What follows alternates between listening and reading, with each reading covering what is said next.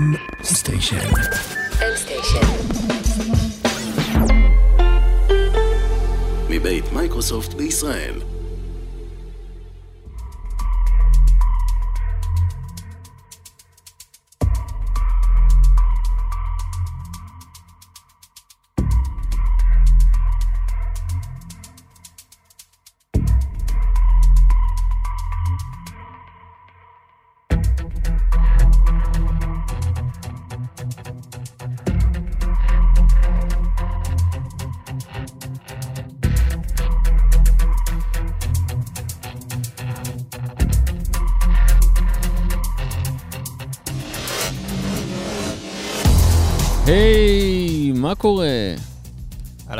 מה איתך?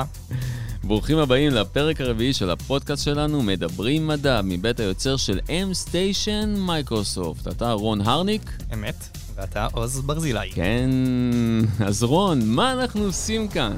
מה אנחנו עושים כאן? אנחנו מנסים פה ושם אה, לנתח את המדע, או היעדר המדע. יצירות מדע בדיוני. בעיקר נכון. סרטים. כן, כן, אנחנו באמת אה, כאן נדבר על המדע שמאחורי המדע הבדיוני. לחפור כל פעם על אה, סרט מדע בדיוני אחר, על הנושאים המדעיים שבו בצורה מעניינת, לפחות לנו. אה, ובכלל, המלצה שלי היא לשמוע אותנו במהירות 1.5.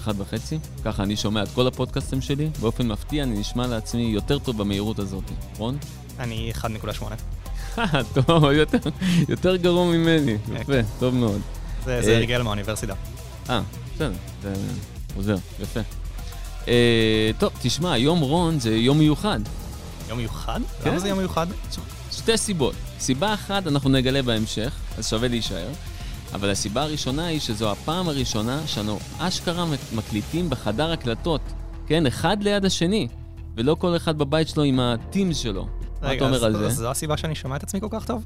כן, אני מקווה שגם המאזינים שלנו ישמעו אותם אה, כל כך טוב. תשמע, זה, זה חדר אקוסטי, כן? זה עם כרטיס קול מיוחד להקלטות, עם מיקרופונים איכותיים דלוקס.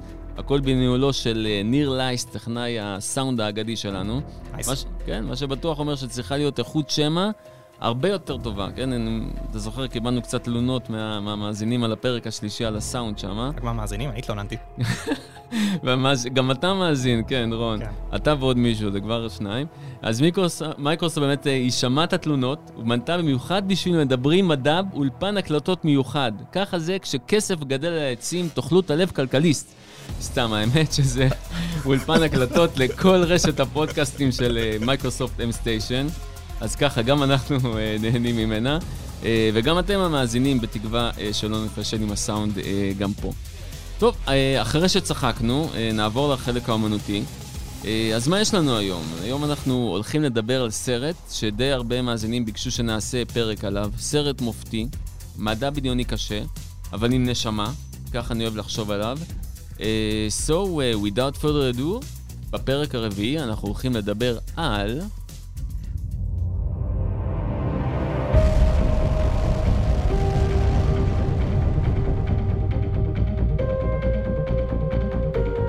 This world's a treasure. But it's been telling us to leave for a while now. Your daughter's generation will be the last to survive on Earth. You're the best pilot we ever had. Get out there and save the world. Everybody ready to say goodbye to our solar system? To our galaxy? Here we go. הכל אפי אצל נולן. שם לב, הכל כזה גרנדיוזי. סרט אה, מעולה וכבד בו זמנית.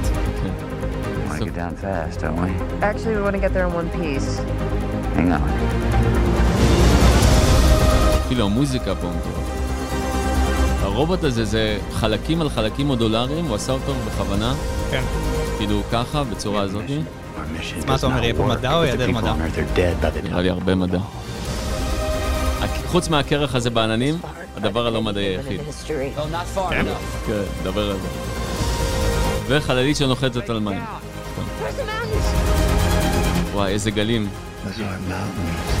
כן, אתה אתה גולש. תקשיב, הדבר הראשון שחשבתי זה לגלוש על הגל הזה, בהצלחה עם אבל זה. זה הדבר האחרון שאתה עושה בחיים. Yes, you are. Yes, you are. You might have to decide between seeing your children again the future of the human race. We'll find a way. We always have.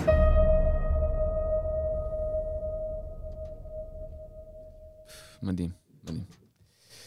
אוקיי, אז כן, היום אנחנו נדבר על הסרט המדהים, אחד הטובים של אה, כריסטופר נולן, אינטרסטלר, בין כוכבים. טוב, אה, כן, תשמע, הרבה דברים ראשונים קורים פה ב... היום בפודקאסט, כן? זה, זה גם הפעם הראשונה שצפינו בסרט ביחד. אה, אנחנו ממש אה, בפוסט-קורונה, אה? לגמרי. כן, תשמע, ניסינו באמת לצפות בסרט בין ההפרעות של הילדה שלי וחברה שלה, בין חבר שלי שבא לישון אצלי כדי שילך לגלוש.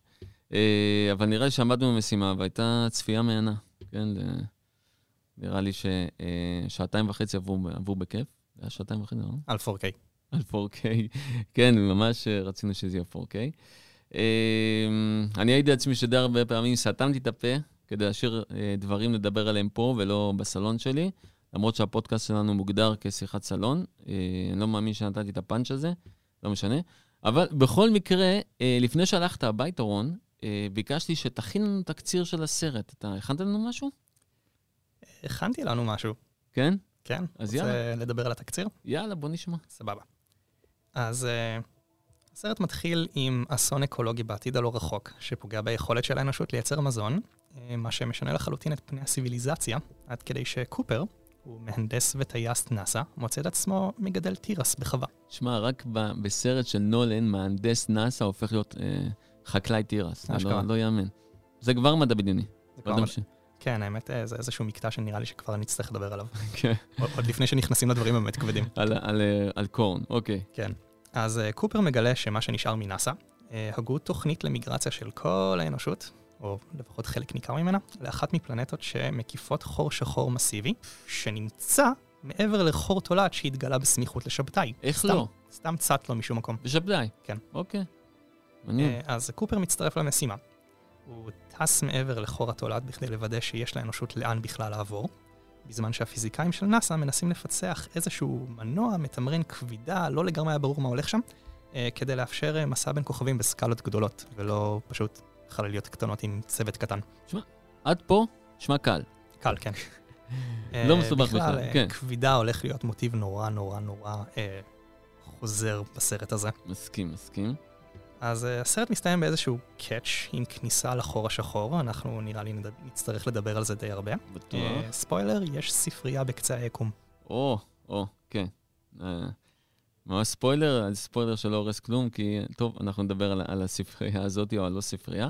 תשמע, אז יש לנו באמת אה, פה עניין עם אה, סרט מדע בדיוני קשה, כן, באמת אה, מנסה להיצמד לידע הפיזיקלי העכשווי ביותר שלנו. כן, ה- ה- הבסיס לסרט הזה עם, אה, התחיל בעצם עם הפיזיקאי קיפ ת'ורן, כן, הוא זוכה פרס נובל לגלי כבידה ב-2017. זה לא, זה לא סתם באמת אה, סרט של מדע בדיוני עם מדע שמאחוריו, זה ממש מדע מדויק. הוא בעצם... רגע, ה- הוא זכה ב-2017? כן. כן, כן, כן. והסרט יצא ב-2014. נכון, נכון, אבל הם. כבר גילו אותו, אתה מבין? הם סתם גילו אותו. הוא גילה אותם. תשמע, הוא, בעצם התווה שני כללי אצבע אה, לנולן בסרט. ראשית, ששום דבר לא יפר את חוקי הפיזיקה הקיימים, ושנית, שכל הספקולציות הפרועות יגיעו ממדע ולא ממוחו, ממוחו של תסריטאי. זה אפשר אולי אה, אה, להתווכח לגבי הסוף, אבל הכלל הראשון, אני חושב שהם כן, די, זה די עומדים נלקח בו. בצורה די גמישה. כן, אבל, אבל עד אז כנראה שעומדים ואנחנו נדבר על זה, סבבה. אני, אני באמת... אה, אז באמת יש כאן הרבה התעסקות עם אה, תורת היחסות, או חורי תולעת, כן, שקופר וחבריו אה, עוברים שם, ואפילו חור שחור, שקופר עצמו אפילו נכנס אליו, כמו, כמו שאמרת. אז אה, רון, כמה, כמה אתה יודע על נושא אולי באמת אה, הכי מורכב בפיזיקה אה, כיום, חורים שחורים? לא, לא מספיק. כמה אתה יודע על זה? אה, גם לא משהו. תשמע, אני לא יודע, אבל, אבל אתה יודע מה? הבאנו לפה מומחה לחורים שחורים. אתה לא מאמין, כן? נמצא איתנו כאן המומחה שלנו לחורים שחורים. אה, מסע בין כוכבי ופענוח אה, מסתורי החיים באופן יותר מספק מסתם 42. הישר מאל האינסוף, הפודקאסט של החלל והזמן, טל סוסובר. טל, מה נשמע? זה ה introduction הכי מוגזם שעשו לי בחיים, שלום שלום. כיף להיות פה בקמפוס המדהים הזה של מייקרוסופט. תודה, תודה, מייקרוסופט מודה לך. סתם, אה, תקשיב, אני, אני מאזין נלהב של הפודקאסט שלך, לא סתם עשיתי לו אה, ככה introduction, באמת, אה, הפודקאסט שלך, ידע אינסוף, הוא אחד הפודקאסטים הטובים ששמעתי. אני, אני עשיתי עליו בינג' כי הוא יושב לי בול על המשבצת של אה, האהבה של פיזיקה. אז ברגע שרון אה, ואני החלטנו שאנחנו הולכים לעשות את הפרק הבא על אינטרסטלר, והבנו כמה חורים שחורים זה נושא סבוך, וכמה חורים יש לנו בהבנה של זה. וכמה חורים יש לנו בהבנה של חורים שחורים, אז uh, ישר הצעתי להביא אותך, אוקיי? כי אתה באמת בפודקאסט שלך מסביר את הנושא הזה בצורה נהירה ומהנה, אני חושב. Uh, ואמרתי, למה שלא באמת תעשה את זה כאן, ותסביר לנו למאזינים איך נוצר חור שחור ומה זה בעצם חור שחור. באמת, טוב שבאת, טוב שבאת לעזור לנו בזה. זה שמח להיות פה. זה באמת אחד הסרטים שעושים שימוש רחב מאוד במדע מצד אחד. כמובן, מדע בדיוני, יש את החלק הבדיוני, אבל החלק המדעי הוא חלק חזק. אה, קיפ טורן, המנחה שלו לדוקטורט זה אה, ווילר, שווילר הוא מי שבעצם אחד אבות החורים השחורים, אני גם חושב שהוא המציא את ה... נתן את השם, black, וואו. holes. אז אה, יש פה מעורבות אה, עמוקה של אנשי, אנשי מקצוע. לא הוקינג? לא. לא, הוקינג יותר מאוחר. יותר מאוחר. אוקיי. הוקינג הוא על קרינת הוקינג. אה, נכון, כן. לא, אבל אה, טוב, בסדר, אנחנו נדבר על זה. אה, כן, אני חושב שבאמת אולי, אולי בואו בוא נפרק את הסרט לכמה חתיכות. כן, יש פה כמה נושאים מדעיים אה, שאנחנו אה, הולכים לדבר עליהם. אני חושב שהחלק הראשון באמת זה יהיה האסון האקולוגי, אה, שהאנושות אה, אה, שם הייתה צריכה להתמודד איתו, וזה לא קורונה. אה, למרות שהקורונה זה לא אקולוגי, אבל טוב, אולי כן הגיע מאקולוגיה, נכון? הוא לא, לא אסון אקולוגי פר סה, אבל כן אה, קשור אה, לאקולוגיה. ו, אה, אבל האסון שם, אה, הסופות אבק שהיו שם, רון, אתה יודע שהיה אה, משהו דומה, ש, שהיה מבוסס, על ה, שהסרט היה מבוסס עליו? הידעת? מה היה דומה שהסרט התבסס עליו? לא, אני עשיתי תחקיר, אני עשיתי תחקיר, רון, אני לא סתם באתי ככה. אה, אז אה, היה משהו שנקרא אגן האבק, אוקיי? dust bowl, זה כינוי לשורה של אה, סופות אבק שהתחוללו במרכז ארצות הברית, מ-31 עד אה, 39. אה, מוכרות גם השנים האלה בתור שנות ה-30 המלוכלכות, ממש כמו שראינו בסרט. אה, במהלכם היה באמת משבר אה, סביבתי, כלכלי וחברתי. היה שם בצורת עם אה, כמה פרקטיקות חקלאיות לא תקינות, אה, ובמשך כמה עשורים שבעצם גרמו לחיסוף אה, אה, העשבים. אה, ואז זה בעצם יצר את, הסופות האבק האלה במישורים הגדולים שם באמריקה.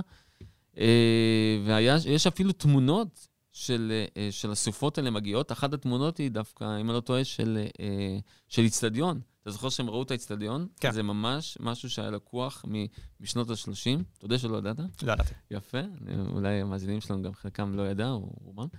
אה, אז כן, אתה רואה, הנה כבר פתחנו עם משהו שמבוסס על אה, משהו שקרה, ולא סתם מדע בדיוני אה, באוויר. כן, רק שהאופן שבו הם ניגשו לפתור את זה, אה, זה נאמר אפילו בסרט באחד מהתיכונים, שהאנושות כבר לא צריכה יותר מהנדסים, לא צריכה יותר מטוסים וטלוויזיות ו- וכל ה excess של המאה ה-20, והיא צריכה יותר חקלאים. כן, עכשיו, מה שאומר שמשהו בציביליזציה לגמרי נדפק, כאילו כל המקצועות הטכנולוגיים עברו איזשהו, איזושהי רגרסיה, אה, החליטו שאוטומציה זה לא יעיל יותר, וצריך ידנית עכשיו אה, חקלאים ש- שיגדלו תירס וכל כמו- מיני דברים. זה כמו לירות לעצמך ברגל, אני חושב. כן, זה כאילו, ב- במקום בוא, בוא נפתח טכנולוגיה שתעזור לנו עם, עם המשבר, לא, בואו נעזוב את הטכנולוגיה, נעזוב את המדע, ונהיה חקלאים, ורק נאס"א מסכנים ימשיכו לעבוד ולנסות uh, להציל את האנושות, וגם בסתר, כי הם כל כך מפחדים, שהם מסתירים את, ה- את ההצלה הזאת מכולם. מבלי, מ- מבלי לדעת את הסטטיסטיקה, אני מניח שפרוקסי לחברה אנושית אה, מתפקדת זה אחוז חקלאים נמוך. אם נסתכל על מדינות, מניח שנראה את זה ככה. אה, אז זה מפתיע שהאנושות הלכה לכיוון של אה, פחות... אה, אז ניסו להסביר את זה, אני חושב, אם אנחנו מנתפקים קצת ומדברים על זה. שהמורה, בספרי הלימוד, הם מדברים על זה שהנחיתה על הירח לאומית הייתה קיימת, וזה היה איזשהו, איזשהו מנגנון to bankrupt את הרוסים. אה, אז אולי נראה כאן שהמניעים היו בעצם פוליטיים, זאת אומרת, משהו שהוא אנטי ה excess של המאה ה-20, ואיזושהי, לא יודע, רגרסיה פוליטית נכון. שהשפיעה על, ה- על האופן שבו המדינה החליטה להתמודד עם כן, המשבר. אני, אני משווה את זה ל- בעצם לג'יהאד הבטלריאני של חולית, שכאילו האנושות אה, פנתה כנגד המכונות, כי הם האשימו את הכל, אז כן. הם אמרו, אוקיי, אז המדע פה זה האשמה, הקדמה זה האשמה, בואו נחזור אחורה ו- ונפנה לחקלאות שהיא תציל אותנו. כן, אה, אשכרה לחזור אחורה. לא, כן, כן, כן. לא לתקופה להסתמך על. מה שרכשנו עד עכשיו כדי לפתור בעיות חדשות, אלא כן. פעם זה לא קרה, אז יאללה, בואו בוא נחזור לפעם. כן. תראו, רוב, אה, זה אמנם לא, לא נושא השיחה, זה לא היסטוריה, אבל רוב ההיסטוריה, רוב החברות האנושיות חלמו על עבר מפואר שהיה טוב יותר מימינו, והחשיבה הייתה שאנחנו הולכים במדרון כלפי מטה. אנחנו ב... לא יודע, מאה ה-19, מאה ה-20, במערב וכולי, התחלנו לחשוב שאנחנו בכיוון של עלייה, שהדור הבא יכול להיות לו יותר טוב מהדור הקודם. בינתיים זה עובד.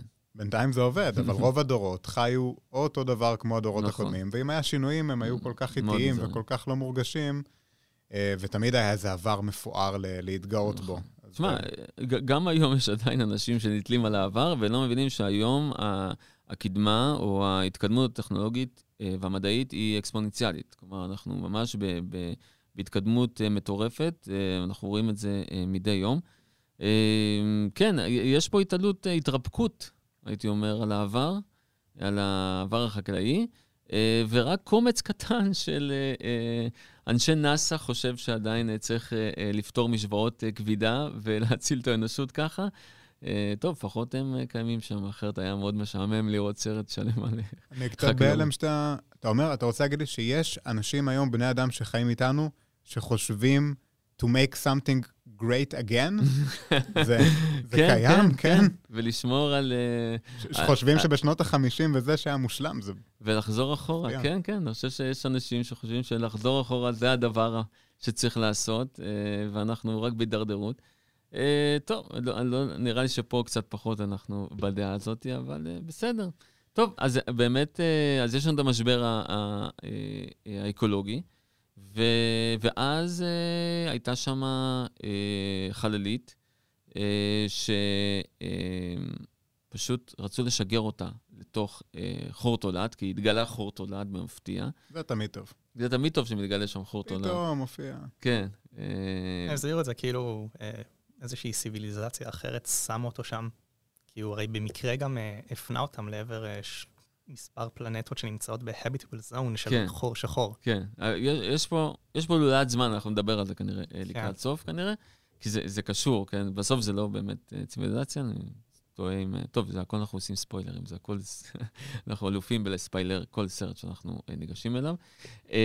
אבל, ואז באמת, בואו נדבר קצת על, ה, על החור תולעת הזאת. טל, מה זה חור תולעת? למה, למה, איך זה יכול... להיות- האם באמת דבר כזה יכול להיות? בואו ניקח צעד אחורה. בואו נדבר רגע על מה זה המרחב שלנו. אה, כשאני הגעתי לפה ל- אה, לאולפנים של מייקרוסופט, אה, להקלטה, אני נותן לכם פה, מקדם אתכם. מה בעצם. אמרתם לי? אמרתם לי, תגיעו לכתובת הזאת והזאת. בקומה הזאת והזאת, בשעה הזאת והזאת. כלומר, בשביל לקבוע עם מישהו, אנחנו צריכים לתת לו ארבע קורדינטות, נכון? צריך לתת לו אורך, רוחב, גובה וזמן.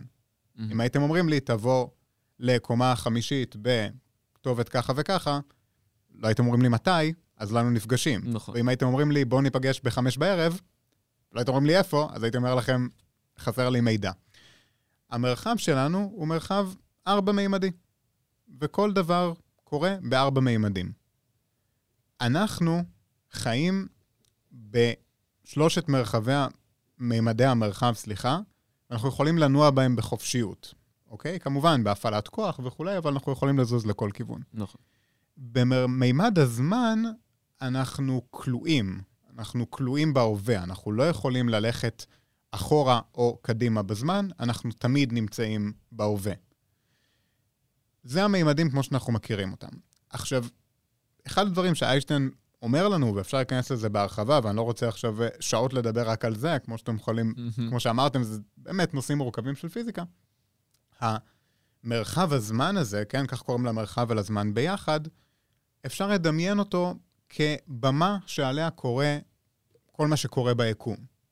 עכשיו, כל מה שקורה ביקום גם משפיע על הבמה הזאת, משפיע על מרחב הזמן, מעוות את מרחב הזמן באמצעות מסה. יותר מסה, יותר עיוות. בכדי להגיע מנקודה לנקודה במרחב הזמן, אנחנו יכולים ללכת, כן? אני נגיד נסעתי על אופניים מהבית שלי לפה. אני זזתי במרחב ובזמן בהגדרה אני זז כל הזמן. אחת ה, אחד הרעיונות שעלו בפיזיקה הוא שבעצם, וגם מדגימים את זה בסרט מאוד יפה, שאם נדמיין שמרחב הזמן הוא דו-מימדי, כי נורא קל לנו לדמיין את זה כדף נייר, נכון, בשביל ממש להגיע- מראה את זה שם עם דף נייר, כן. אז אני יכול לדמיין, אתה נגיד, את המפה של ההרצליה, שבאתי מהבית שלי לפה, כשתי נקודות על דף נייר שהיא מפת הרצליה, ונתעלם רגע מהעניין של הגובה וכולי. אני יכול לא לעשות את הדרך, שזה בעצם קו ישר, זו תהיה הדרך הכי מהירה. אופציה שנייה, אני יכול לקפל את הדף, ואז שתי הנקודות נפגשות במרחק שהוא קצר משמעותית מלעשות את הדרך על פני הדף עצמו. כלומר, לקחת את המישור ולקפל אותו במימד השלישי. בדיוק. עכשיו, אם המרחב זמן שלנו ארבע-מימדי, מתמטית אפשר לקפל אותו. זה קשה לנו לדמיין את זה, אולי אפילו בלתי אפשרי לדמיין את זה, אבל אפשר לקפל אותו, ובעצם, במקום שאני אצטרך ללכת מחדר השינה שלי לחדר המקלחת בבוקר לצחצח שיניים, אני פשוט יוכל לעבור דרך פורטל כזה, דרך חור תולעת, ולהגיע, אם המרחק הוא שלושה מטרים, להגיע בתוך חצי מטר. כן, אני מבין שמתמטית זה אפשרי, השאלה אם זה פיזיקלית אפשרי. זה קשה מאוד להגיד בדברים האלה. אפשר להגיד רגע יותר רחב. האם ראינו חורי תולעת בטבע? לא. לא, בדקתי. לא. אני- פעם היום- אחרונה שהסתכלתי, לא. היום לא, אבל...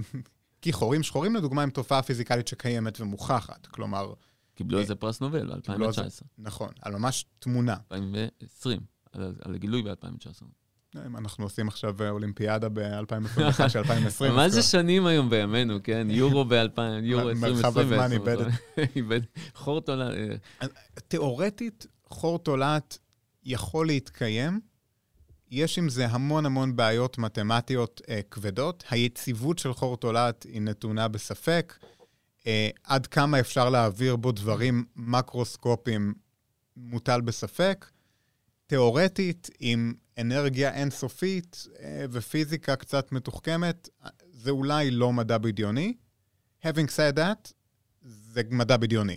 כאילו, זה, זה מאוד מאוד מאוד כל רחוק. כך רחוק מ- מהיכולת שלנו, ש... בדיוק. עכשיו צריך להגיד יותר מזה, כן? זה לא שמסע לשבתאי סתם ככה, בלי חור תולעת זה משהו שאנחנו עושים כל שני וחמישי. כן, תשאל את אילון מאסק, הוא יגיד לך, אה, שטויות. רק להגיע למאדים אנחנו רואים איזה סיפור, וזה לוקח שנה במקרה הטוב. אז יש פה הרבה עיגולי פינות בסרט שהם נעשו לטובת הבימוי והתסריט וכולי, כן? לא, אבל ש- אם ניקח את עצמנו, נגיד, עוד 50, 100 שנה קדימה, אני חושב שמסע לשבתאי באמצעים האלה הוא. נראה לי פיזיבילי. אה, לבני אדם. כן, לבני כן. אדם. כן. בכללי, הקטע הזה של להזיז בני אדם, זה לא יעיל במיוחד. אנחנו צורכים הרבה דברים, וצריך לשלוח הרבה... מחשבים הם כל כך יותר נוחים, אפשר לשלוח אותם עם הרבה פחות בעיות, אה, אה, וגם לשלוח נגיד נחילים של מיקרו-רובוטים, כדי שאם קורה משהו למישהו הכל טוב. כן, אבל אז אין אנושות. יש רק נחילים של רובוטים. אני יודע, בסרט חשבתי, למה הם רוצים לחקור את הפלנטות עם בני אדם? למה לא עם... אה, למה? אה, הם אמרו את זה. אמרו בסרט שבגלל כושר האלתור, הם לא סמכו על מכונות, בגלל שכושר האלתור, זה, זה כאילו... כן. זה להתמודד עם בעיות שלא צפו באותו רגע. כן, כן, למרות שהרובוטים שם נראים לי אה, מאלתרים לגמרי, עם חוש הומור, אה, 70 אחוז, 60 אחוז, כן, 50 כן, אחוז. זה היה. יפה. נתנו זה, אבל גם לא הבנתי למה נתנו להם קול כל כך אנושי, כי היה לי קשה כל פעם להבין שזה אשכרה איזה, אבל... אבל כנראה זה, זה מתקשר לעוזרות האישיות שיש היום, שהופכות להיות יותר ויותר אה, אנושיות. אה, אה, לפחות גם בסאונד, אה, באינטונציה. אה, כן, אז רק אני, אסגור את כן, הסוגריים על החורי תולעת. אה, חורי תולעת אפשרי מבחינה תיאורטית, יש על זה הרבה דיון ברמה ה- אה, המדעית וכולי במחקר. מסע לשבתאי וכולי כמובן אפשרי תיאורטית, בסדר, צריך להגיד את זה.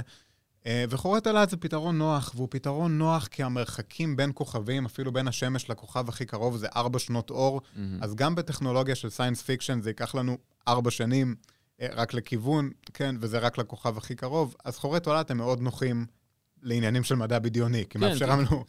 ב- לקחת סרט של אה, שלוש אה, אה, וחצי שעות, לק- לקצר אותו. לקצר אותו לשלוש וחצי שעות, כן. בדיוק. או שעתיים וחצי, לא משנה, במקום אה, ל- 150 שנה אה, של מסע, נשאר בקבועי זמנים שבו, אה, או אלפי שנים. כן, לא, אבא אחד טס לו מכדור הארץ, וכשהוא חוזר אז הבת שלו היא עד- עדיין עדיין- עדיין חיה. עדיין גם יש אנושות להציל. כן. זה כאילו... כן, אחרת למה, למה עשינו את הסרט הזה? אה, כן, כן, נכון, אני חושב שחורים שחורים הם פתרון אה, אה, די אה, deus ex machina כזה במדע בדיוני, שלוקחים כדי להעביר ממקום למקום.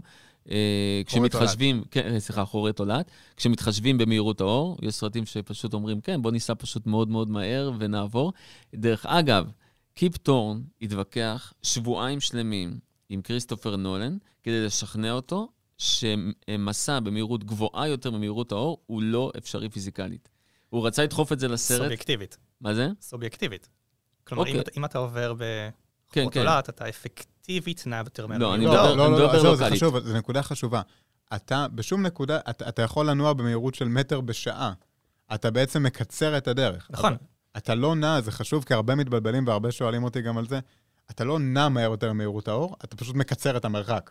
אפקטיבית, מה שקורה זה שאתה הגעת מנקודה A ל-B בפרק זמן שהוא יותר מהיר ממה שלאור היה לוקח לעשות אותו, באיזושהי תצורה שמאפשרת לך סובייקטיבית לבצע את הפעולה הזאת. נכון, אבל עדיין לא נעת. לוקאלית נכון. יותר מהר ממהירות האור. אם הרגע- אור היה, נכנ... אור הרי נכנס לך לחור תולעת, הוא עקף אותך. כן. זה, כן. זה הנקודה, וזה חשוב להבין את זה, אבל אתה צודק, שלעומת מי שהיה יוצא למסע הזה, מה שנקרא, ב... בדרך הרגילה. באינסוף, כן? אז היה לוקח לו כנראה איזה פרק זמן, אולי אפילו... אולי הוא אפילו לא היה מסוגל לעולם להגיע לשם. שזה אגב, אני חושב שרוב הטכניקות ל-FTL ברוב הסדרות וסרטי מדע בדיוני, שמשתמשים ב, לא יודע, אנדרומדה סליפסטרים, אז אה, מה הם עושים? זה אה, מעקמים את המרחב. כן, הם עושים, הם נעים בכזה נתיבים שהם מחוץ ל... Mm. ל- ל- לשלושת ממדי המרחב הסטנדרטיים שלנו. והאמת, אני לא, לא לגמרי בטוח מה זה וורפ כן. בסטארט-טרק. נכון. אז זה... אה, אולי מזכיר את אה, מנואל QBR, שמעוות את המרחב מסביב נכון, לספינה. אני או חושב ש- משהו. שזה- שזה מאוד דומה. כן. כן. עכשיו, אפשר להגיד פה שאם אתה נע במהירות שהיא קרובה למהירות האור, המשמעות היא כמו להיות בכבידה מאוד גבוהה. מהמם. הנה, כאן, כאן נכנסת בעצם תורת היחסות, כי, כי זה מאוד משמעותי. מהמם. כן, העניין הזה של אה, הקשר בין מהירות לבין אה, זמן. כן, זה, זה, זה העניין כאן. כלומר, מהירות, זמן, מרחב. יש כאן כאילו אה, קשר.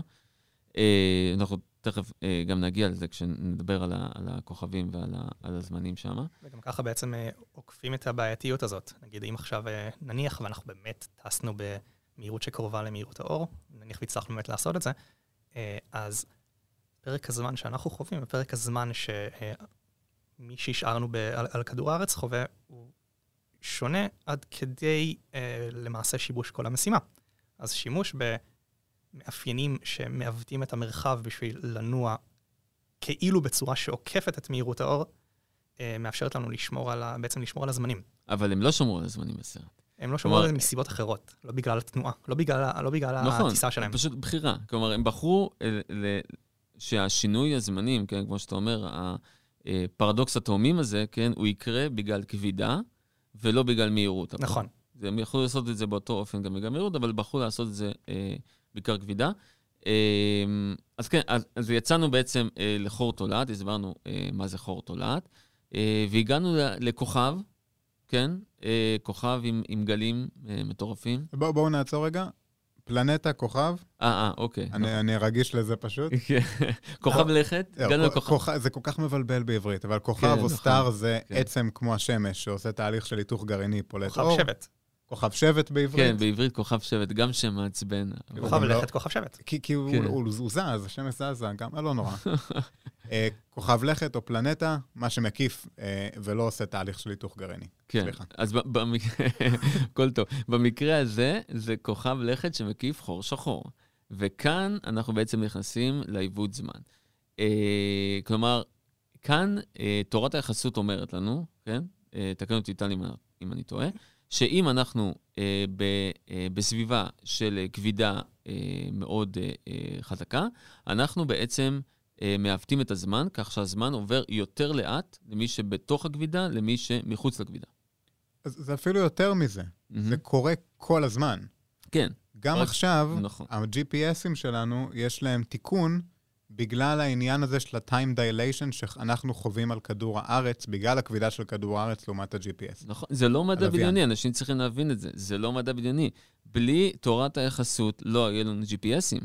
לא היינו יכולים לנהוג בווייז, פשוט היינו מפספסים במאות מטרים כל פעם. נראה לי ש, שאפילו עשו את הניסויים האלה כמה פעמים, עם שעונים אטומיים, אחד שעונים על. הקרקע, אחד אה, ברור. באורביט מסוים. אבל עושים את זה כל הזמן עם, עם לוויינים של ה-GPS. לא, לא, כן, אבל, זה. אבל כאילו כש, כשניסו להוכיח את זה, אז אה. ההבדלים היו בננו שניות. כמובן. כן, עכשיו, באים, יכולים לבוא ולהגיד, טוב, בסדר, אז שעון אטומי, הוא, אוקיי, אז בנו אותו לא הכי מדויק, יכולים להיות הפרשים כאלה. אבל באופן קונסיסטנטי, זה שעל הקרקע, וזה ש... זאת אומרת, זה שעל הקרקע אה, חווה את הזמן לאט יותר. יותר. מ- מהשעון שהוצב, ב, מהשעון שהוצב אה, אורביטלית. נכון. ב- בגובה מסוים. נכון, תראו- מהלוויין. כן. זה נהיה נורא מבלבל נורא מהר, הדברים האלה. רגע, מי לאט, מי מהר, כי זה בדיוק העניין של תורת היחסות. אין דבר כזה לאט או מהר. כל עצם ביקום חווה תמיד את כל. היקום זז לעומתו. כלומר, אם עכשיו אני הולך הביתה, זה לא שאני הולך הביתה במרחב, אלא המרחב זז לי מתחת לרגליים ככה שאני מגיע הביתה. מעניין, זה דרך מעניינת להסתכל על זה. זה הדרך של איינשטיין להסתכל על היקום. אין צופה מוחלט. נכון, אין נקודת ייחוס. בדיוק. כן. כל אחד... עכשיו, מכאן אנחנו מגיעים למצב הבא, שבו אם אנחנו נמצאים בתאוצה או תחת כבידה, שזה למעשה אותו דבר, המרחב והזמן שלנו מתעוותים כתוצאה מזה. וככל שהעיוות יותר גדול, אנחנו בעצם ממירים במרכאות, כן? אנחנו ממירים את הזמן בשביל העיוות הזה. אז בשביל להיות בכבידה, אנחנו צריכים לשלם בזמן איטי יותר. ואנחנו רואים את כל היקום חולף לנו מהר מעל הראש, אם אנחנו נמצאים בסביבה של כבידה סופר גבוהה. תשמע, אז uh, uh, מה שקרה אפקטיבית בסרט, כן, כן. מדברים על, על uh, משהו אפקטיבי, uh, זה שהם ירדו uh, לכוכב, ושמה כל שעה בכוכב הייתה שבע שנים מחוץ לכוכב לכת, אוקיי, פלנטה. פלנטה. אה, הפלנטה עם הצונאמי. כן, הפלנטה עם הצונאמי, עם הגלי, אה, אה, הגלים המטורפים. ודרך אגב, הגלים האלה, כן, אה, פשוט כריסטופר נולן רצה לעשות הגלים האלה. כן, הוא, הוא חשב שזה מדליק, שזה מגניב, והוא בא לקיפ טורן ואמר לו, make it happen, make it physically happen, אוקיי? זה, זה, ואז קיפ טורן אמר, אין מצב, אין, אין, לא יכול להיות דבר כזה, כן?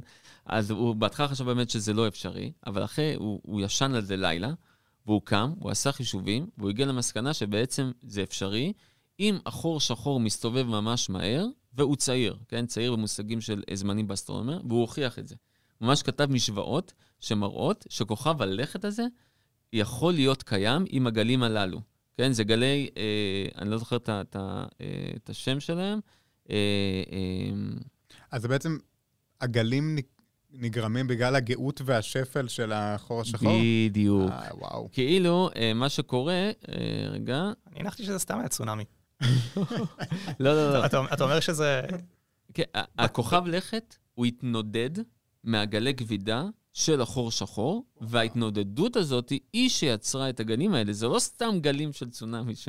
שעברו, וגם, לא רק זה, הוא, הוא חישב שההפרש בין הגלים הוא באמת שעה. וואו.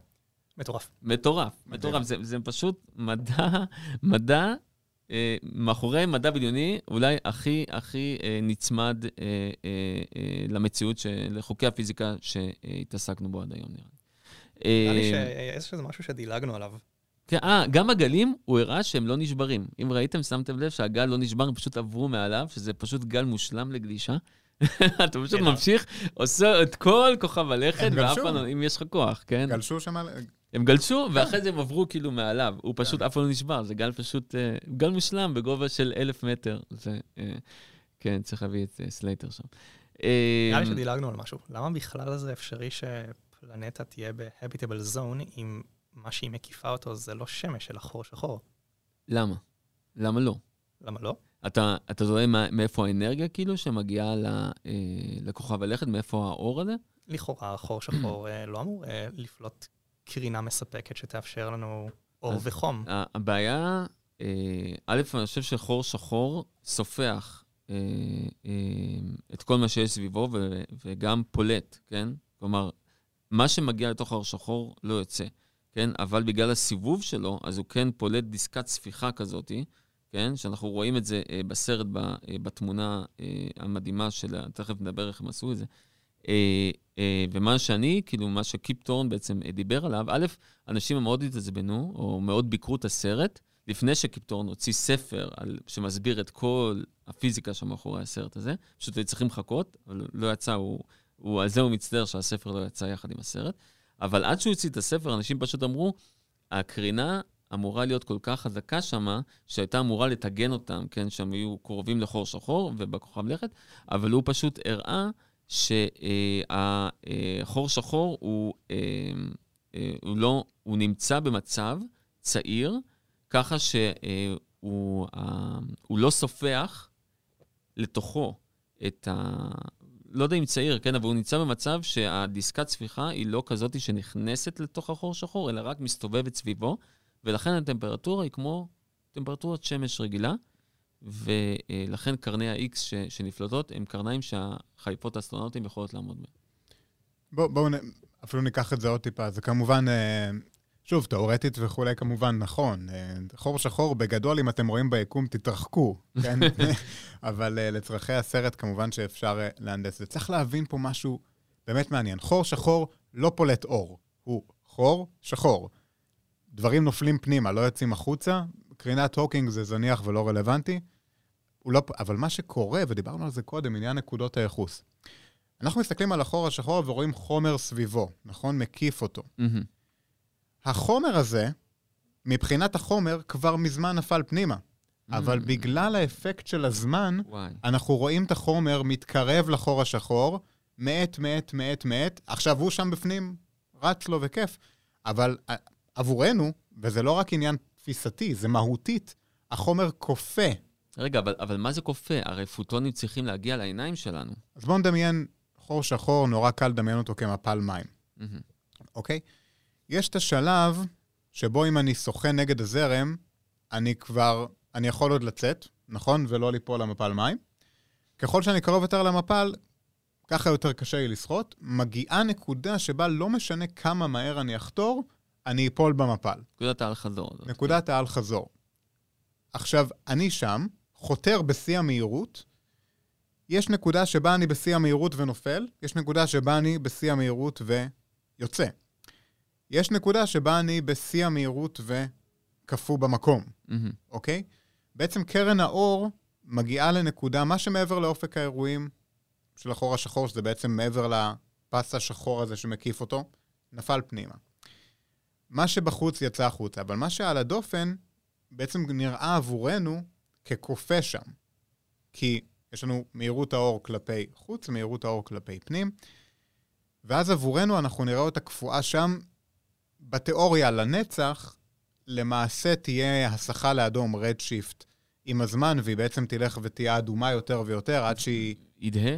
היא תהיה, ב, כן, באדום, ואז ברדיו בסוף, ואי אפשר יהיה כמו, לקלוט. תשמע, כמו שאני מתאר, הילדה שלי כבר יודעת להסביר לילדים שלה בכיתה מה קורה למי שנופל לחור שחור. הם, היא עמדה פשוט ותיארה את זה, והילדים היו בשוק, וגם המורה הייתה בשוק, היא אמרה להם, כן, נופלים, ולא נעלמים, אלא לאט לאט, קופאים במקום, ואז לאט לאט דועים ו, אה, עם, עם הזמן, אבל... וזה עבורנו. וזה עבורנו, כן, עבור אבל- הבן אדם, הוא לא שם לב שקרה משהו.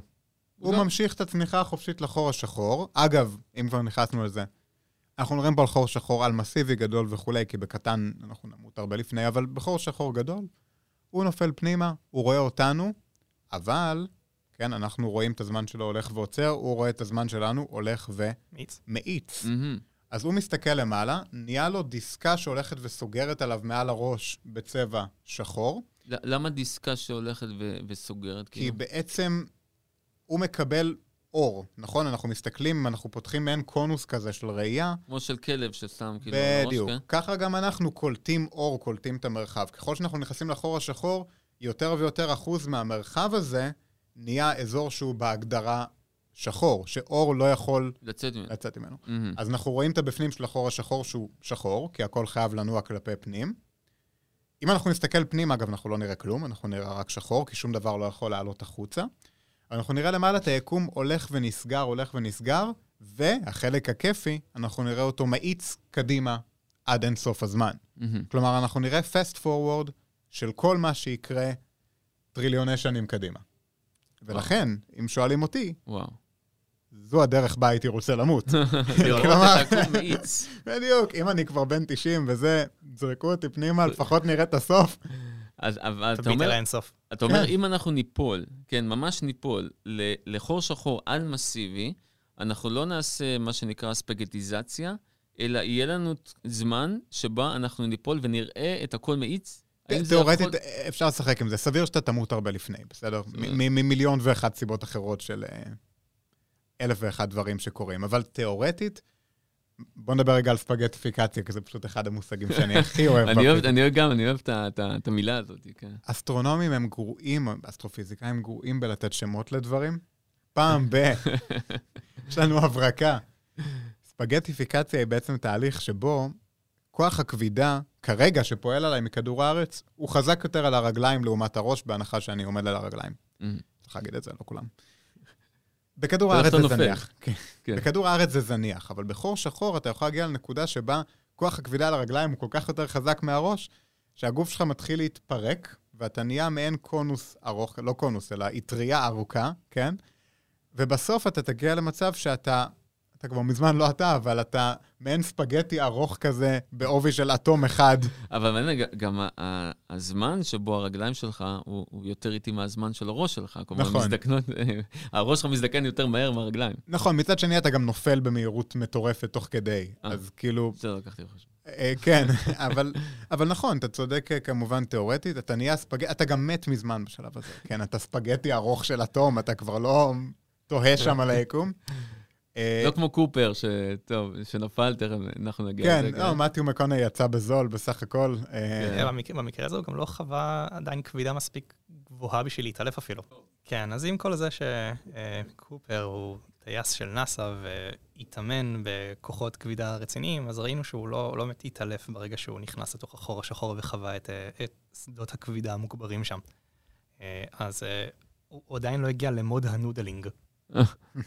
כן, הוא... טוב, הוא לא הגיע לשום מוד, הוא הגיע לשום מוד, אבל תשמעו, אה, אה, דיברתי על זה אה, קצת קודם, כן, אז עוד פעם, המדע מאחורי הסרט הזה, אז קיפ טורן, הוא, הוא, הוא רצה לראות בעיניים שלו, כן, ולהגיש בעצם לאנשי ה-CGI, הוא רצה שהם ייקחו את המשוואות שלו, הוא נתן להם, כן, דפים של משוואות, שמתארות בעצם, שוות שמתארות את החור שחור, וצוות של איזה 30 אה, מהנדסים שם ו- ואנשי אה, CGI.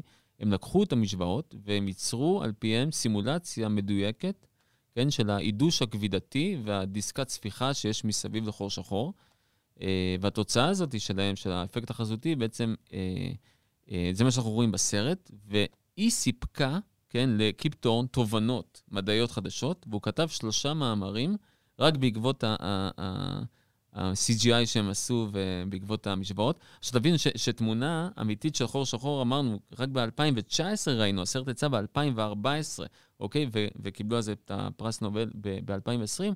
יש גם סרט ב- בנטפליקס אה, אה, על, ה- על, ה- על העבודה הזאת, זה אני מאוד ממליץ לראות. מה שאני רוצה לומר, שבעצם הסרט קיבל שבחים, כן, ב-2019-2020, עד כמה התמונה של החור השחור באמת מתאימה למודל אה, שייצרו שם בסרט, אה, על פי המשוואות אה, של קיפטורן. זה, זה מטורף. צריך גם להגיד שכמובן התמונה שצולמה ב-2019-2020 זה לא דומה ברזולוציה לסרט. כן, כלומר, כן. אין, אין לנו תמונות של חורים שחורים כל כך מקרוב. זה...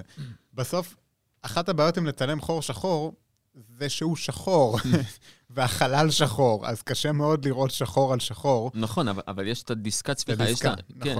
אז זה מה שאנחנו רואים, אה, וזה גם מה שהראו בסרט. אני חושב שגם המעבר בחור תולעת, גם העניין הזה של החור השחור, נותן את התחושה של העיוות של המרחב.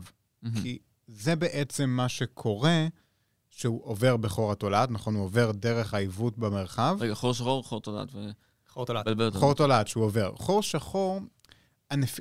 כל אה. אה, רגע, החור תולעת, שנייה, החור תולעת אמרו שהוא בצורה של כדור, לעומת הרבה סרטי מדע בדיוני שעושים אותו בצורה אה, שטוחה. נכון. והם גם הסבירו את הם זה. צודקים גם, הם, הם צודקים. גם חור שחור, אגב, הוא כדור. כי שוב, זה, זה, זה ספירה תלת-מימדית. מהמם. כן, אם, הוא, אם זה חור במרחב דו-מימדי, הוא יהיה עיגול, אז חור במרחב תלת-מימדי, יהיה כדור. אנחנו, יהיה כדור. זה בסך הכל גם make sense uh, מהרבה בחינות. כן. אז חור שחור, שאתם מדמיינים חור שחור, הוא כדור, ואגב, נכון גם, חשוב להגיד, זה לא איזה שואב אבק, כן? חור שחור הוא לא איזה יצור כזה אקטיבית ששואב את כל היקום אליו, מהמם. זה מסה. זה מסה, בדיוק. אם היינו מחליפים את השמש שלנו עכשיו עם חור שחור עם מסה זהה לשמש, מהמם. לא היינו שמים לב לכלום. אנחנו מקליטים את זה בערב, הכל היה נשאר אותו דבר, פשוט הבוקר לא היה מגיע אף פעם. כן, אחרי שמונה דקות היה נעלם לנו אור. אה, אם אחרי- היינו עושים בערב? כן, בערב, פשוט לא- לא נכון. שמים לב, נכון? אם זה ביום, זה או, אחרי או שמונה דקות. שהיינו, אתה יודע, רואים את, ה, את הקרינה מ- מדיסקת הספיחה. הרי ב- בפלנטה ש... עם הגלים, מהמם. יש אור. יש אור של... אה, של השמיים כחולים. אבל אני חושב כן. ש... טוב, השאלה באמת, אם אנחנו באמת הופכים את השמש, מתי, אם מתי הוא מתחיל לספוח אליו דברים? אה, נ- קור. נכון, לא, אין... השאלה מה יש שם. אם פשוט נחליף את השמש כמו שהיא עכשיו, בחור שחור בדיוק באותו מסה, אין שום דבר- אין. אין שום דבר לא ישתנה. כן, כי אין לה מה לסחוב. אין שם אין לה מה כלום. לסחוב. כאילו, אה, כבידתית. אנחנו כאן מדברים עכשיו על uh, משהו שהוא אקוויוולנטי לקרינת גוף שחור שאנחנו חווים כרגע מהשמש. זאת אומרת, משהו שהוא, שהוא ב surface של טמפרטורה של מה, 5,700 משהו כזה, קלווין, משהו כן. כזה. אה, אתה אומר שגם טמפרטורה תשתנה. לא, אז אני אומר שלפי הסרט, אז אה, כנראה הדיסקה, דיסקת האור שאנחנו כן. רואים שם, אז היא פולטת מה שהיינו צופים לקבל מהשמש, או משהו אה. שהוא אקוויוולנטי לשמש. כן, אבל, אבל השמש אין מה לספוח. כלומר, היא פשוט תהיה חור שחור וזה יישאר ככה, אה, אין לה מה לספוח. אז, אז אולי נפתח פה רגע סוגריים, חור שחור לא פשוט צץ אה, ביקום. מהמם. חור שחור, למיטב, אה. איך הוא נוצר? בוא, בוא, בוא, אז, בוא אה, נסביר באמת. למיטב ההבנה שלנו, היו כוכבים, כוכבים, כן, stars, כמו השמש, אבל הרבה הרבה יותר גדולים, כלומר מעל 20 מסות שמש, אנחנו מדברים פה על אה, כוכבים אה, מכובדים. מ- מתיכים להנאתם מימן להליום, הכל טוב ויפה. אחרי זה מתיכים הליום לליתיום? אני לא זוכר. לא משנה. ההליך הזה של ההיתוך גרעיני הוא ממשיך לכמה יסודות. בשלב מסוים מגיעים לברזל, ברזל Mm. אי אפשר להתיך, וכתוצאה מזה הכוכב קורס. עכשיו, מה שקורה בהיתוך, השמש מתיחה. מה זה אומר להתיך? זה מייצר מלא אנרגיה. האנרגיה דוחפת כלפי חוץ, כן? כמו שפצצה מתפוצצת דוחפת כלפי חוץ. הכבידה כלפי פנים, איזון, הכל טוב, כולם נהנים. כשאנחנו מגיעים לכוכב ב-20 מסות שמש, שהוא מגיע למצב שמפסיק ההיתוך הזה, אז אין מה שידחוף כלפי חוץ. כל מה שיש זה שכבידה. ה-20 מסות שמש, מהמם. שדוחסות הכל פנימה. אנחנו מגיעים למצב שבכמה רגעים, באמת, במהירות שהיא מגיעה לרבע ממהירות האור, כל החומר הזה קורס קורס. פנימה, וזה נהיה פיצוץ אדיר שנקרא סופרנובה. אחד האירועים הכי אלימים שקיימים בטבע, ולרגע אחד, זה יכול להיות אפילו כמה שנים שלנו, כן? לרגע אחד, כוכב מהיר יותר מכל הגלקסיה, או יותר מכמה מיליארדי כוכבים. זה באמת מטורף לחלוטין. עוד הערת סוגריים, מתישהו במאה ה-11, משהו כזה, הייתה סופרנובה ביחסית קרובה בשביל החלב, שהיא הפכה להיות העצם השמימי הכי מהיר בשמי הלילה. עכשיו, כמה זמן? במשך כמה שנים. יש על זה תיעודים של אסטרונומים סינים ו- וגם מוסלמים. והם לא ידעו. זה, זה מה שמטורף, שאני אומר, היום אם יופיע דבר כזה, אנשים ישתגעו. שזה סימן מאלוהים וסימן וכולי וכולי. בתקופה אבל כזאת, אז שמה, באמת בטוח. מדהים לחשוב מה, מה עבר לאנשים בראש, אה, כן. באמת מעניין לחשוב על זה. אה, טכנית זה גם יכול להיות חזק יותר, אם יהיה סופרנובה קרובה אלינו מאוד, זה גם יכול להעיר יותר חזק מהשמש. וכל הזמן, למשך יכול גם כמה... לפגוע בכדור הארץ? אם זה מספיק קרוב, אז כן. זה, זה, זה אירוע מאוד מאוד אלים. עכשיו, הסופרנובה... עם גלים כבידתיים אלימים? או ש... אה, גלים כבידתיים ברמה שיעשו לנו פה, אה, שאנחנו נוכל להרגיש את זה בעולם המקרוסקופי שלנו. אנחנו צריכים מהתנגשות של חורים שחורים מאוד מסיביים. הבנתי. כמו זאתי שתיעדו את הבלופ, נכון? כן, את ה- הבלופ בלופ הזה זה חורים שחורים על מסיביים. אלו חורים שחורים שנמצאים במרכז גלקסיות, Mm. המסה שלהם היא כמה מיליונים עד כמה מיליארדים מסת השמש. כן, זה, זה קנה מידה אחר. אבל חור שחור רגיל, שפשוט כוכב גדול של 20-30 מסות שמש קורס, מהמם. יש את הסופרנובה, פיצוץ אדיר, במהלכו גם נוצרים מלא חומרים כבדים, בסוף נשאר החור השחור הזה. עכשיו, חלק גדול מהג'יפה הזה, מהחומר שהרכיב את הכוכב, לא קרס לחור השחור. הוא מקיף את החור השחור הזה, מהמם. במהירות הולכת ועולה, וכמובן, ככל שהמהירות עולה, החומר מתחמם. הבנתי. אז הדיסקת ספיחה זה בעצם החומר שנפלט מהחור שחור, מהכוכב, סליחה, ועכשיו מסתובב סביב החור השחור. נכון. יש גם עוד מקרים, למשל, של חור שחור שמקיף כוכב אחר, נגיד מקיף שמש, מערכות בינאריות. מהמם. והחור השחור כל פעם מפיל לתוכו חתיכות מהכוכב הבנתי. שהוא מקיף, ואז כמובן זה גם כן אה, יוצר דיסקת ספיחה אה, אה, והרבה קרינה וכולי. אז כן, יש כמובן נקודה שבה הטמפרטורה תהיה בדיוק אה, 5,700 מעלות, ואם האטמוספירה ישירה בחנקן כמו אצלנו, זה גם יהיה בצבע כחול, אה, וזה מסתדר יפה אה, בסרט. אם הכל מסתדר, אז הכל מסתדר. כן. בשביל זה אנחנו עושים סרט. שוב, אני אומר, במציאות, אם אתם רואים חור שחור, זה גם פודקאסט פרקטי, נכון? זה חשוב. זה חשוב, אם אתם רואים, כן. בגדול, אתם רואים. תטוסו, כן, אתם החללית שלכם חור שחור, תטוסו לצד השני, זה כנראה יהיה נכון יותר. כן, זה מדהים. אלא אם כן אתם מתיו מקונאי, ואז... זה, זה, אצלו החוקים עובדים קצת אחרת. אה, יש גם את העניין של העידוש כבידתי שם, שאשכרה רואים בתמונה, והם עשו את זה ב-CGI, כי אה, אה, מה שאתם רואים בתמונה, אני, אני אראה לכם, כן? אה, הנה, אתם יכולים לראות את זה כאן. כן, אתם לא, המאזינים לא רואים, אבל אני מראה, פה, פה, פה. כן, כאן. אה, אתם רואים, יש כאילו שתי דיסקות, כן? אם אה, המאזינים יכולים לגגל, אני גם אשים לינק אה, לפודקאסט, יש בעצם שתי דיסקות, אבל זה לא שתי דיסקות, זה דיסקה אחת. הדיסקה העליונה והתחתונה היא בעצם העידוש הכבידתי של הדיסקה הזאתי, שהאור פשוט עובר לנו ונראה לנו כאן. אבל זה בעצם הדיסקה הזאתי שמסתובבת. מטורף. אז חוסר הסימטריה זה בגלל הסיבוב. זה, זה בגלל שהוא, כן, שמסתובב, אבל יש לך פשוט אה, אה, עידוש כבידתי, זה מה שאיינשטיין בעצם חזה בתורת היחסות, כן? שהאור בעצמו מתעוות, כן? בגלל הכבידה, ו, והוא לא נראה במקום שהוא אמור כביכול להיות, אלא, אלא מוסט, מוסט אלינו. זה חוזר לשיחה שלנו ממקודם על אה, נקודת הצופה היחיד. האור לא מעניין אותו, האור זז בקו ישר, במהירות גבוהה. במהירות האור בקו ישר. המרחב מהמם. מתעקם כתוצאה מהמסה. כן. כן. ולכן זה נראה כאילו אנחנו מסתכלים דרך עדשה, כן? כי יש איזה כן. אפקט כזה, כי פשוט המרחב עקום. אבל נכון. האור- האור נע בקו ישר, ו- וה... אה, נכון. זה, זה, זה, בגלל זה זה כל כך... אה, אני יודע, זה מבחינתי תמיד קשה לתפוס את זה. כן, אה, אני, אני, אני מסכים, כן. אז כשקופר אה, פלט את עצמו מה, מהחללית, כשהוא כבר היה אחרי ה event horizon, והתחיל לשחות לעבר מרכז החור השחור, התחילו כבר דברים קצת משוגעים. כן, זה, זה, זה החלק ה... כאן- כאן אנחנו נכנסנו ל- יותר ל- מלא- מלא farfetched. דברים שכבר לא ממש יודעים מה קורה בפנים. זאת אומרת, מכל הסרט דיברו על זה שחסר להם דאטה, והם רוצים אה, לנסות להוציא דאטה מתוך החור השחור, ודיברו על זה שמלכתחילה אי אפשר להוציא משם דאטה. נכון, בדיוק על זה דיברנו. שום דבר לא יכול לצאת בחור שחור, כולל מידע, ויש, וגם, יש פרדוקס שלם על זה. אנחנו גם דיברנו עליו באחד הפרקים, שנקרא כן. פרדוקס המידע. אלא אם כן, מסתבר, יש גם חור תולעת בתוך החור השחור, שמאפשר לו להיכנס אליו, אה, לעבור בספרייה שבמרכז היקום, בסוף היקום, כן. ולצוץ שוב ליד שבתאי.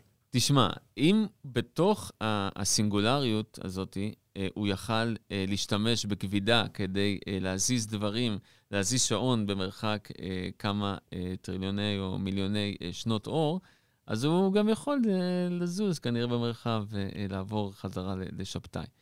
אה, אה, העניין הוא ששם באמת, כאילו, יש שם את המשחק הזה שכביכול האנושות התפתחה.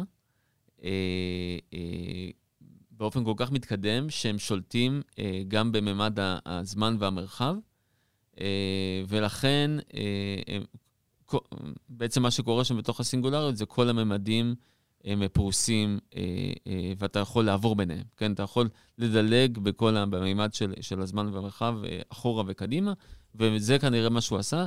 דרך אגב, לא אמרו על זה בסרט, אבל כנראה שהוא זה שריסק לעצמו, הוא עשה לעצמו את התאונה של המטוס, אם אתה זוכר. נכון, יש שם תאונה, בגלל זה הוא הפסיק להיות אסטרונאוט, הוא הפך להיות חקלאי. אז כנראה הוא עשה את זה לעצמו בגלל גלי כבידה, הוא פשוט, הוא פשוט עם הכבידה הוא גרם למטוס של עצמו, כדי שהוא יוכל אה, להיות חקלאי, כדי שהוא יוכל לגלות אה, אה, לבת שלו את ה, איפה נאסא נמצאת וכל, וכל הדברים האלה. כלומר, יש פה, מה שאמרתי, לולאת זמן, כן? כן, דטרמיניזם. יש כאן חלק שהוא אה, עקבי בהיגיון הפנימי של הסרט. זאת אומרת, אה, כן, אז הפיזיקאים של נאסא, המנוע שהם ניסו לפתח הוא מניפולציה של, אה, של כבידה באיזושהי כן. תצורה, אז בוא, בוא נגיד נזרום עם זה ונמשיך עם זה עוד איזה כמה מאות שנים, ואם יכולים אה, להמשיך לפתח את, כן, את כן, הסיפור הזה, אז כן, כן. אבל, אבל אז- זה יותר מזה, הם לא סתם זרקו את העניין, כן, של כבידה, אוקיי? כי, כי, מה, כי הבעיה הכי גדולה היום בפיזיקה, כן, נכון טל? זה, זה בעצם האיחוד, לעשות תיאוריה שמאחדת את הכל, בין מכניקת הגוונטים לתורת היחסות, אוקיי? בין כוח הכבידה לשאר הכוחות שקיימים בטבע, ובעצם הם אומרים שבסינגולריות הזאת נמצא המידע, כי היום פיזי, בפיזיקה לא יודעים לתאר מה קורה בסינגולריות שחור. ב- בוא, בוא נדבר רגע על המילה הזאת, סינגולריות, כי אנחנו אומרים אותה כמה פעמים ולא כן. לא באמת הגדרנו אותה. יופי. בעצם יש לנו בעיה, נכון? הרי אמרנו מה זה חור שחור, כוכב, קרס, שחור, כי שום אור לא יוצא. אנחנו לא יודעים על שום דבר בטבע שנע מהר יותר מהירות האור, וגם תיאורטית לא יכול להיות דבר כזה. לכן, כל דבר שעובר את אופק האירועים של החור השחור חייב לנוע לנקודת המרכז. הוא לא יכול לנוע לאף כיוון אחר. כלומר, כשמשהו נמצא בתוך החור השחור, יש לו עתיד מוחלט ודאי, בזמן מוגדר הוא חייב להגיע לנקודה. בזמן סופי, אתה אומר, בעצם. בזמן סופי. י- י- יחסית לזה שנופל, יחסית לעצמו. יחסית לעצמו. הוא כן. יודע שהעתיד שלו בוודאות יהיה הגעה לסינגולריות. מהמם. נקודה, כן? סינגולריות היא בעצם הנקודה במרכז החור השחור. הבעיה שהנקודה הזאת חייבת להיות קטנה בצורה אינסופית, נקודה, כן? אפס, אה, אפס גובה אורך רוחב. אנחנו יודעים שאי אפשר להכניס כמות חומר סופית לנקודה קטנה באופן אינסופי. אבל זה קרה, זה קורה בשני אה, תופעות. אחד זה המפץ הגדול, ושני זה חור לא- שחור. ש- ששניהם אנחנו לא יודעים אותם. אנחנו לא יודעים מה קרה. ולכן אנחנו קוראים להם סינגולריות. אנחנו לא יודעים להסביר את אה, טריליונית מיליארדית השנייה הראשונה אחרי המפץ הגדול, ושם יש גם עוד הרבה תופעות שהן פחות רלוונטיות. המפץ הגדול הוא גם התרחבות המרחבים עצמם. זה, זה, לא, זה, לא, חור- זה לא חור שחור הפוך בתיאור המתמטי. אנחנו גם לא יודעים באמת להגיד שזה התחיל מנקודה. אנחנו לא יודעים. אנחנו יודעים להגיד משלב האינפלציה, שזה 10 בחזקת, אל תפסו אותי, 30, מינוס 32 או מינוס 36 Mm. שניות. שלפני זה אין פיזיקה. לפני זה הפיזיקה שלנו לא עובדת. הפלנק. בדיוק, גודל עיד- פלנק. עידן פלנק, אה, אפילו גם קצת אחרי, אבל לא חשוב. המרחב עצמו מתפשט.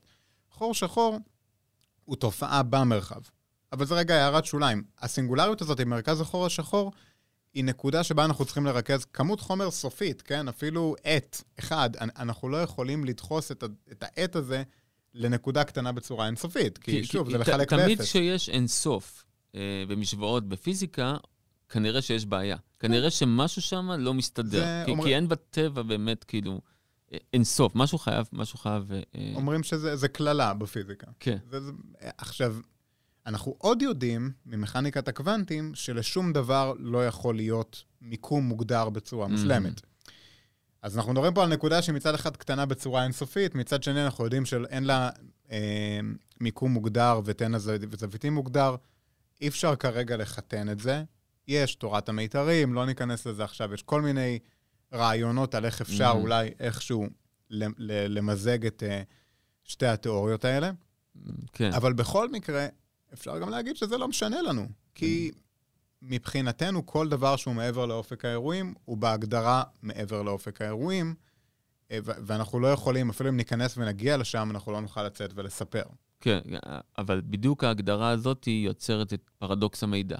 כן, זה, זה בדיוק הבעיה, שכל מה שנכנס לשם אה, אה, עובד לנצח, בעצם כל המידע שנכנס לשם עובד לנצח, ואיך אנחנו מסבירים את, ה, את האובדן מידע הזה, כי, כי מידע לפיזיקה הוא דבר מאוד מאוד חשוב, זה, זה חוק אה, מהותי, כן, חוק שימור המידע הוא חוק מהותי אה, אה, בפיזיקה.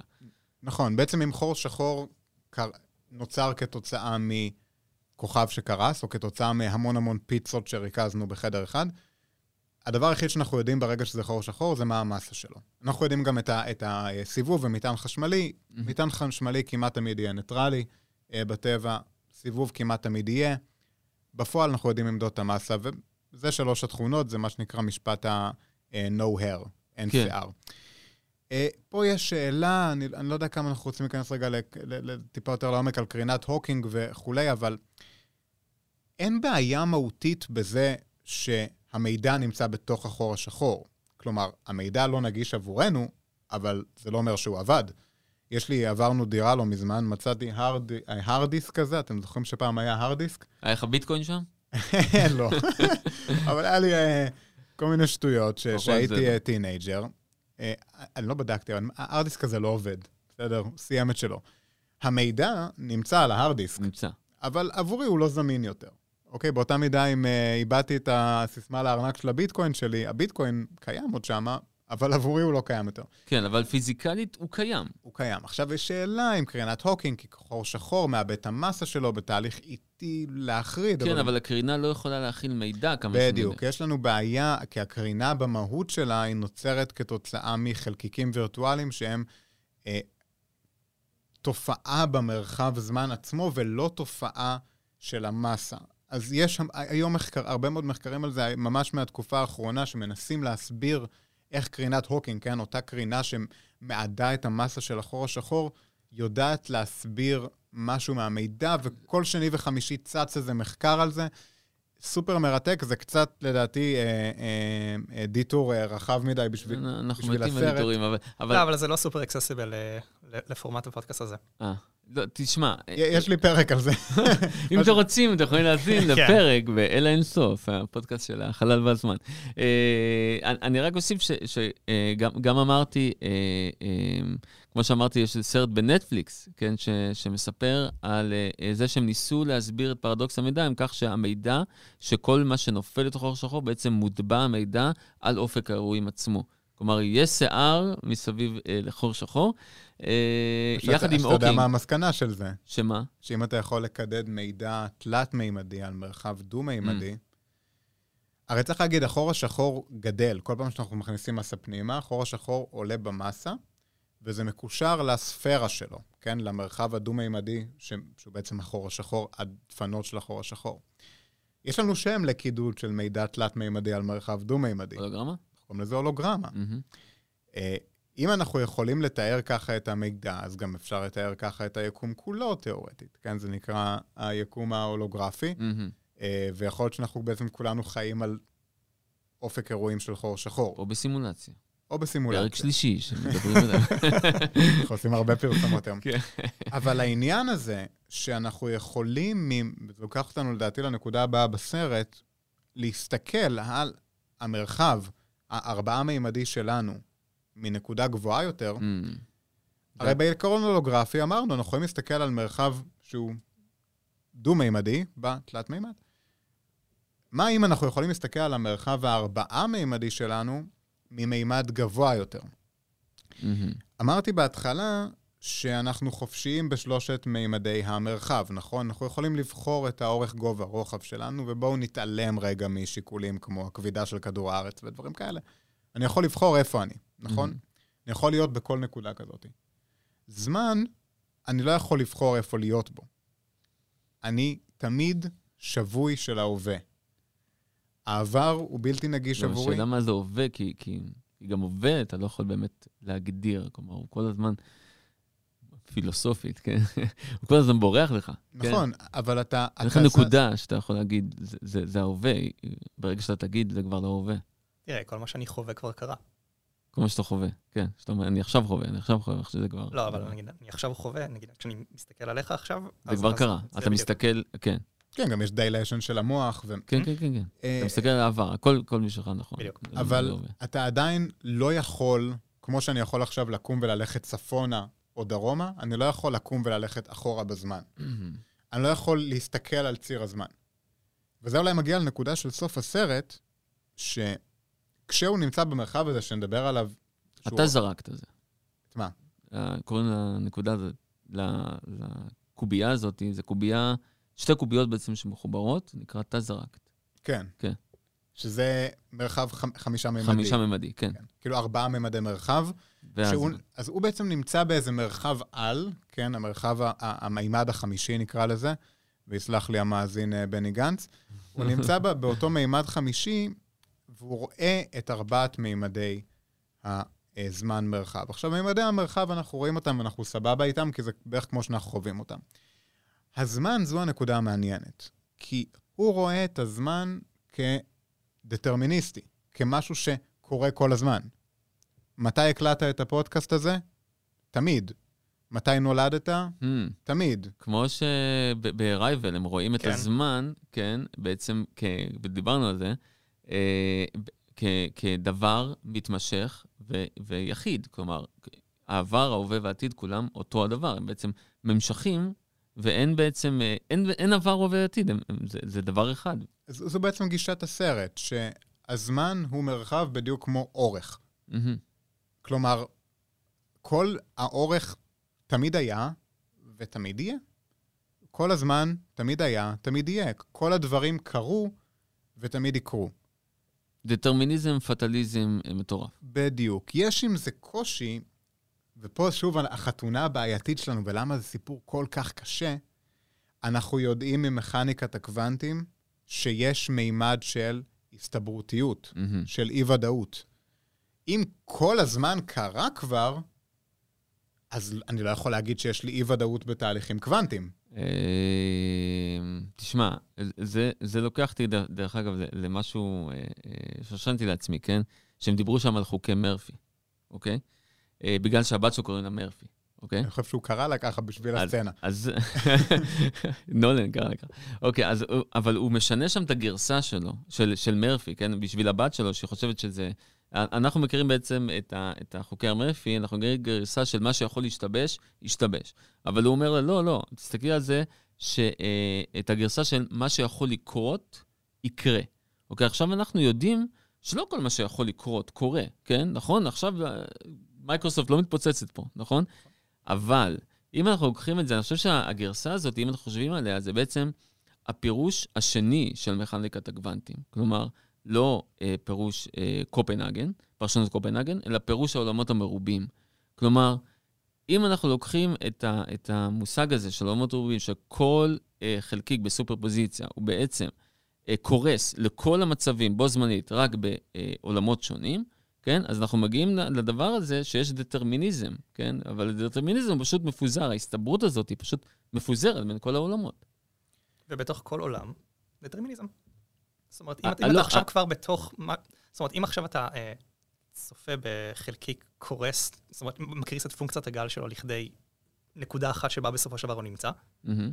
מה מונע ממך לחשוב שבכל תצפית באותו רגע הוא, היה, הוא לא היה קורס לבדיוק אותה נקודה?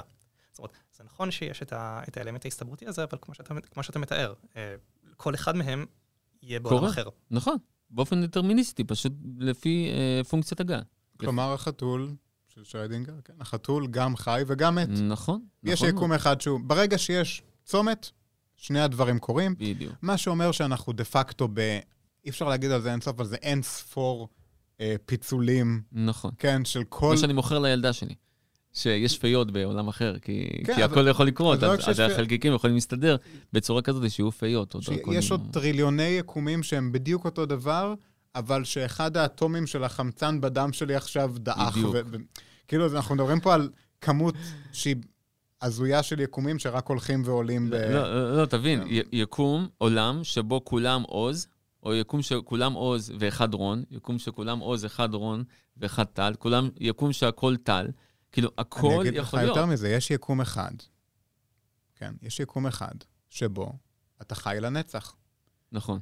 הרי כל תהליך מוות, כן, מה זה תהליך מוות? בוא נגיד שאני מת חלילה מסרטן, כן? זה תהליך שבו תא הגוף מתחיל לשכפל את עצמו יותר מדי. בסוף, מתחת לביולוגיה יש כימיה, ומתחת לכימיה יש יש פיזיקה. פיזיקה. ואם בפיזיקה הייתה איזושהי דעיכה שמנעה מהתא לקרוס, ומנעה מהתא להזדקן, אז אני אמשיך לחיות. נכון. ולכן, לכמות, זה משפט של נפוליאון אמנם, אבל שלכמות יש איכות משל עצמה, כן? אה, quantity has a quality of its own. ברגע שאנחנו יכולים לפתוח כל Mm. כך הרבה חזרות של הניסוי הזה, אז אתם יודעים, באחת מהם הקוף שיתקתק על המקלדת יוציא לנו יוצא. את, ה, אה, את רומאו ויוליה מדויק על הנקודה, נכון? כן, זה בסיפור שלנו נגמר בספר. כן, כן. רשום על זה. אז באחת מהם אתה תחיה לנצח. נכון, אה, אבל זה בעיה. ככה אפשר לבדוק את פירוש העולמות המרובים. אמרו, תקח אקדח, כן, עם רולטה רוסית, כל הזמן תיסע- תנסה לראות בעצמך, אתה בהכרח תמשיך לחיות. ביקום אחד מסוים אתה תמשיך נכון. לחיות, אז אין בעיה. אתה יכול לעשות את זה. שהוא מתנדב? לא רוצה לבדוק את התיאוריה הזאת, אבל זו כן, תיאוריה זה- נחמדה לחשוב זה, עליה. זה כמובן ש- שוב, זה, צריך להגיד על העניינים האלה של מכניקת הקוונטים, שהם אה, קשה מאוד אה, בכלל לדבר על להוכיח את התיאוריות האלה אה, ברמה אפשר. האמפירית. זה, כן. כן, יש פה הרבה סיבוכים. אה, אה, בגלל זה הוא נטע שם את תוכנית א', כן? כי הוא חשב שפיזיקלית אי אפשר להוציא מידע מחור שחור, והוא היה, ודרוש לו המידע הזאת כדי לעשות את תוכנית א'. אז הוא פשוט ויתר עליה ועבר לתוכנית ב' של אה, להפרות את, ה, את, ה, את היקום, את הכוכבים האלה עם, עם אה, אנושות. כלומר, מה שאנחנו, לפעמים יש נטייה עכשיו אה, לאנושות אה, לדבוק שמה שלא אפשרי הוא באמת אה, אה, לא אפשרי. אה, אני, אני לא יודע, אני בן אדם אופטימי, אני חושב ש... אני, אני אוהב לחשוב על זה ש, שהכל אפשרי, אה, אבל אולי באמת אה, סינגולריות, אה, משהו שיצא ממנה הוא, הוא משהו באמת שהנה, סוף סוף, אה, משהו לא יעבוד, לא, לא יקרה לעולם. קודם כל, כמובן, you can never know, וכנראה לא, לא בימי החיים שלנו אנחנו כן. ניסע אני לסינגולריות. נחיה לנצח. אני אמרת שאני ש- נחיה לנצח. היה טוב, לא? היה מעולה, היה כיף נורא. באמת היה כיף, זה חוויה נחמדה להקליט ככה ולדבר ככה, ושוב, אפשר לדבר על זה עוד חמש שעות ולא לשים לב שהזמן עובר, נכון? זה נושאים כל כך... אה, כן, כן, כיפים, מהנים, ו, אה, ואפשר לחפור עליהם בכיף.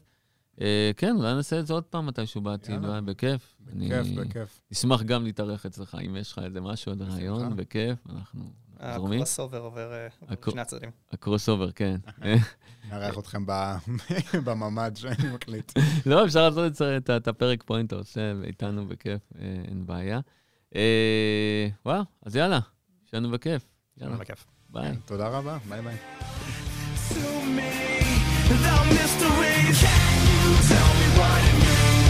Explain these motions and metaphors. Strike the vision of me.